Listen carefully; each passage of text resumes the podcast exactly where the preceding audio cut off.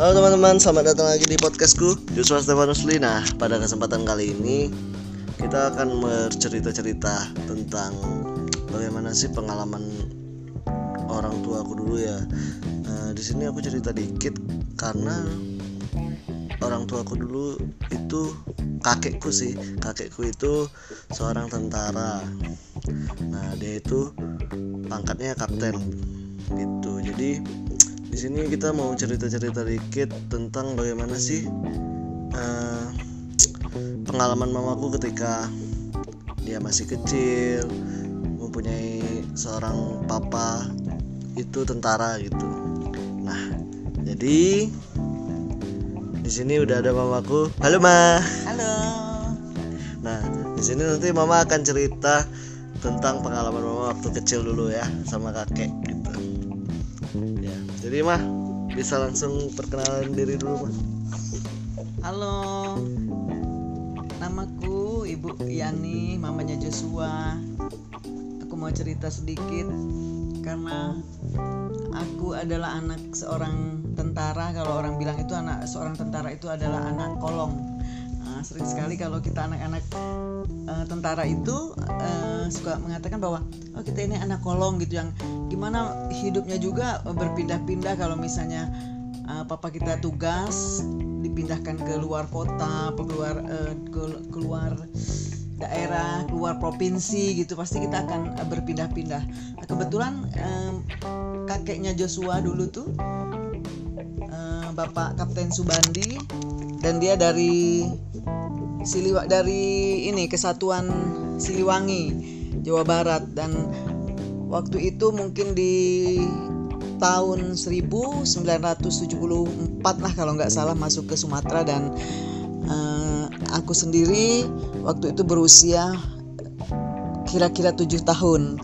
Itu kan kalau jadi ya kita harus uh, kebetulan waktu itu juga aku masih mempunyai adik yang baru melahirkan mamiku tuh baru melahirkan jadi dia nggak bisa ikut dan kami hanya kami anak anak-anaknya empat orang. Ya empat orang. Kita pergi pindah ke ini ikut ikut tugas pindah sama papa ke ini ke Sumatera gitu. Jadi yang dinamakan transmigrasi angkatan darat transmigrasi angkatan darat dan kita dari kota dari Bandung kita pindah ke Sumatera. Yang kita nggak tahu itu Sumatera itu di mana jauh sekali gitu kan. Jadi kita masih kecil-kecil dan hanya membawa hanya didampingi oleh tante dan papa papa papaku gitu kan. Udah gitu sesampainya di di Sumatera tentu kita kaget sekali ya karena kita kan ditempatkan di satu maksudnya transmigrasi angkatan darat itu tempatnya uh, lokasinya nggak di ini nggak di apa nggak di kota gitu Tran, transmigrasi gitu ya di ini masih di pelosok. gitu ya, iya di pelosok dan hutan-hutan gitu dan di mana rumah-rumah transmigrasi itu terpencil-pencil rumahnya yang sangat sederhana karena lantainya juga saat itu masih tanah gitu kan. Udah tuh uh, dinding-dinding ini juga apa dindingnya juga masih apa masih papan gitu kan. Jadi kita yang sangat kaget sekali dan uh, di sana juga di tengah-tengah maksudnya di tengah bluk uh, bisa dikatakan setengah hutan lah ya. Karena di situ kan masih ada binatang-binatang yang uh, belum iya binatang-binatang yang belum pernah kita lihat selama ini. Jadi kita uh, sangat gimana ya sangat takut sekali saat itu. Walaupun memang seru kita ini datangnya ke rame-rame rombongan begitu juga kalau begitu sampai kita juga mendapatkan apa mendapatkan nasi nasi bungkus setiap hari itu. Setiap hari kita nasi makanya setiap hari masih di di ini di apa di apa di support ya maksudnya di, di, dikasih nasi bungkus pagi sore disediain siang lah ya, ya, disediain ada dapur umum kayak gitu. Tapi kalau kita mau karena kan kita masih yang anak-anak kalau mau keluar itu kan masih di sekitar rumah kita masih rumput-rumput kan. Ah. banyak rumput-rumput yang berduri berduri gitu kan. Jadi kalau misalnya kita mau keluar tuh karena takut duri-duri itu pakai sarung pakai kain. Jadi nyangkut-nyangkut kayak gitu tuh. Jadi pengalaman yang luar biasa. Maksudnya bagi anak-anak tentara masih uh, kita tetap uh, paling kita kalau ke mana orang tua kita tugas ya kita harus ikut. Dan di dalam setiap apa dalam setiap daerah pasti punya mempunyai pengalaman yang berbeda-beda kan satu dengan yang lain nah gitu kan. Dan ya itu pengalaman yang singkatnya. Orang pengalaman yang sesudah ke sininya sesudah besar ya sudah besar selama di transmigrasi itu kan ya banyak hal lah ya yang terjadi. Kita mulai saling berkenalan kita mulai saling apa eh, melihat bagaimana situasi di sana. Kita bisa menemukan buah-buah yang aneh-aneh mungkin yang selama ini kita nggak pernah temukan di kota. Begitu juga binatang-binatang yang aneh itu masih sangat banyak maksudnya berkeliaran di dekat dekat rumah kita gitu. Dan dan bagaimana eh, apa belajar bercocok, bercocok tanam gitu kan. Dan saat itu ada yang lucu sekali bahwa uh, kita belajar menanam setelah kita berapa bulan gitu kita membersihkan lokasi tempat kita uh, tinggal dan kita belajar menanam jagung ada satu hal yang lucunya yang di mana karena kita anak-anak maksudnya anak-anak yang masih kecil yang dulunya di kota pindah ke desa gitu kan pindah ke desa dan kita melihat uh, kita saat itu menanam kacang menanam jagung gitu kan. Dan setiap hari itu tuh tanaman kacang dan jagung itu kita lihat terus kapan tumbuhnya ya kapan tumbuhnya setiap hari dilihat. Jadi setiap pagi-pagi tuh kita langsung lihat ke kebun itu. Uh, lihat bagaimana pertumbuhan kacang yang baru mau mekar gitu kan jagung yang baru mekar. Sepertinya apa kalau orang bilang sana excited sekali. Ya kayaknya ah sesuatu, sesuatu yang uh, pengalaman yang luar biasa gitu. Dan bagaimana kita cara menanam padi ya gitu gitu. Ya belajar uh, begitulah buat anak-anak uh, apa anak-anak tentara khususnya. Kalau misalnya anak-anak uh, kolong uh, memang itu satu resiko di mana uh, selagi belum pensiunnya masih apa Harus berpindah-pindah harus ya, tetap berpindah-pindah ke satu tempat uh, dari satu tempat ke tempat yang lain gitu sih dulu tuh kenapa mah? Eh, kakek bisa dipindahkan ke transmigrasi angkatan darat itu yang di Sumatera itu? Ya memang ini memang memang udah tugas dari ini dari dari apa dari dari atas Heeh, gitu kan memang harus ke sana. Dan kebetulan juga dia menjadi kepala rombongan. Waktu itu jadi membawa beberapa rombongan dari Siliwangi. Itu beberapa rombongan. Berapa orang tuh kira-kira kalau dari Siliwangi mungkin ada berapa puluh orang lah. Dan itu digabung dengan ada yang dari Sriwijaya ada yang dari dari pasukan-pasukan yang lain. Maksud dari ya dari kodim kod eh, dari inilah ya pasukan-pasukan lang- yang lain lah ya. Dari tempat eh, tentara yang dari ada yang dari Jawa Timur ada yang dari, dari Jawa Tengah gitu kan ada yang dari Siliwangi jadi digabung. Jadi begitu kita masuk ke Transat itu transmigrasi angkatan darat tuh di situ ya beragam kita nggak saling kenal pada awalnya tapi kan pada akhirnya membaur dan saling kenal oh dari ini dari angkatan ini dari ini angkatan ini angkatan ini gitu sih.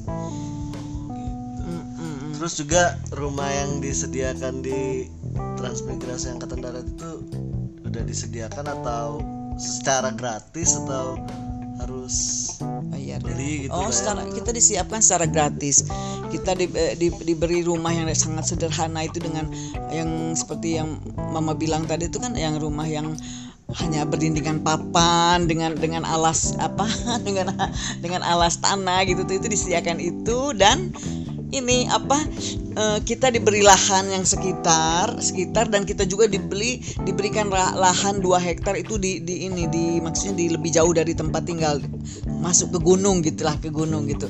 Kalau buat di lingkungan tempat tinggal kita tuh hanya setengah hektar apa seperempat hektar dah kurang lebih gitu sih buat bercocok tanam sehari-hari gitu. Eh, dulu eh, mama sendiri ini waktu kakek bertugas itu kayak ada rasa takut gak sih di kan seorang tentara nih Mbak yang pastinya ada eh, kayak perang-perang gitu nah itu gimana Mbak?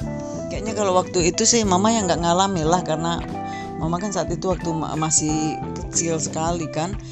Eh, maksudnya waktu waktu papanya mama waktu ini kakek kakek Joshua pindah ke ini sudah nggak zaman perang itu zaman perang kalau perang waktu itu zaman PKI itu waktu pas mama lahir 65 itu pas mama ke- eh, kebetulan ini menurut cerita kebetulan eh, bapak bapak mama itu bertugas di Banjarmasin. Nah saat itu memang dia mau diculik ya, mau diculik sama PKI PKI dan eh, bersyukur puji Tuhan bahwa eh, dia lolos bisa lolos itu. Itu memang eh, mengerikan saat itu.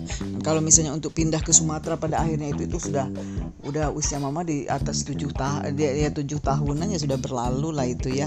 Jadi mama nggak mengalami bagaimana perang-perang zaman perang waktu itu tuh. Mama yang nggak ingat masih terlalu kecil karena gitu kan.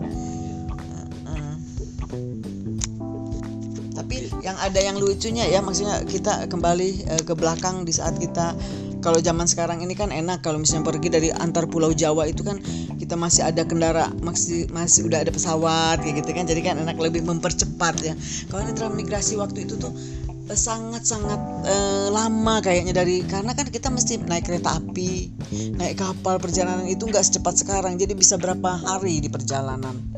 Itu kayaknya ya ampun yang masih anak-anak yang gimana merabai Sumatera gimana begitu datang hutan-hutan kayak gitu tuh kan rada rada bingung kayak gitu. Tapi ya ya itu perjalanan harus dijalani resiko jadi seorang anak tentara memang kayak gitu sih. Jadi pindah-pindah tempat ah, jadi ya, Mbak, ya. tentara kalau yang tentara-tentara sekarang itu lebih enak daripada tentara-tentara yang dulu apa namanya itu eh, yang misalnya yang udah angkatan berapa kan papa mama tuh kan yang mengikuti perang gerilya dia punya 8 bintang kan penghargaan bintang gerilya gitu jadi memang luar biasa perjuangannya beda kalau misalnya tentara sekarang juga berjuang tapi perjuangan yang dulu tuh beda sama yang sekarang gitu Oke, jadi dulu kakek sempat ini ya menurut ceritanya sempat ikut perang juga ya ya. Iya, dapat sampai dapat penghargaan 8 8 bintang gerilya dia. ha, ha.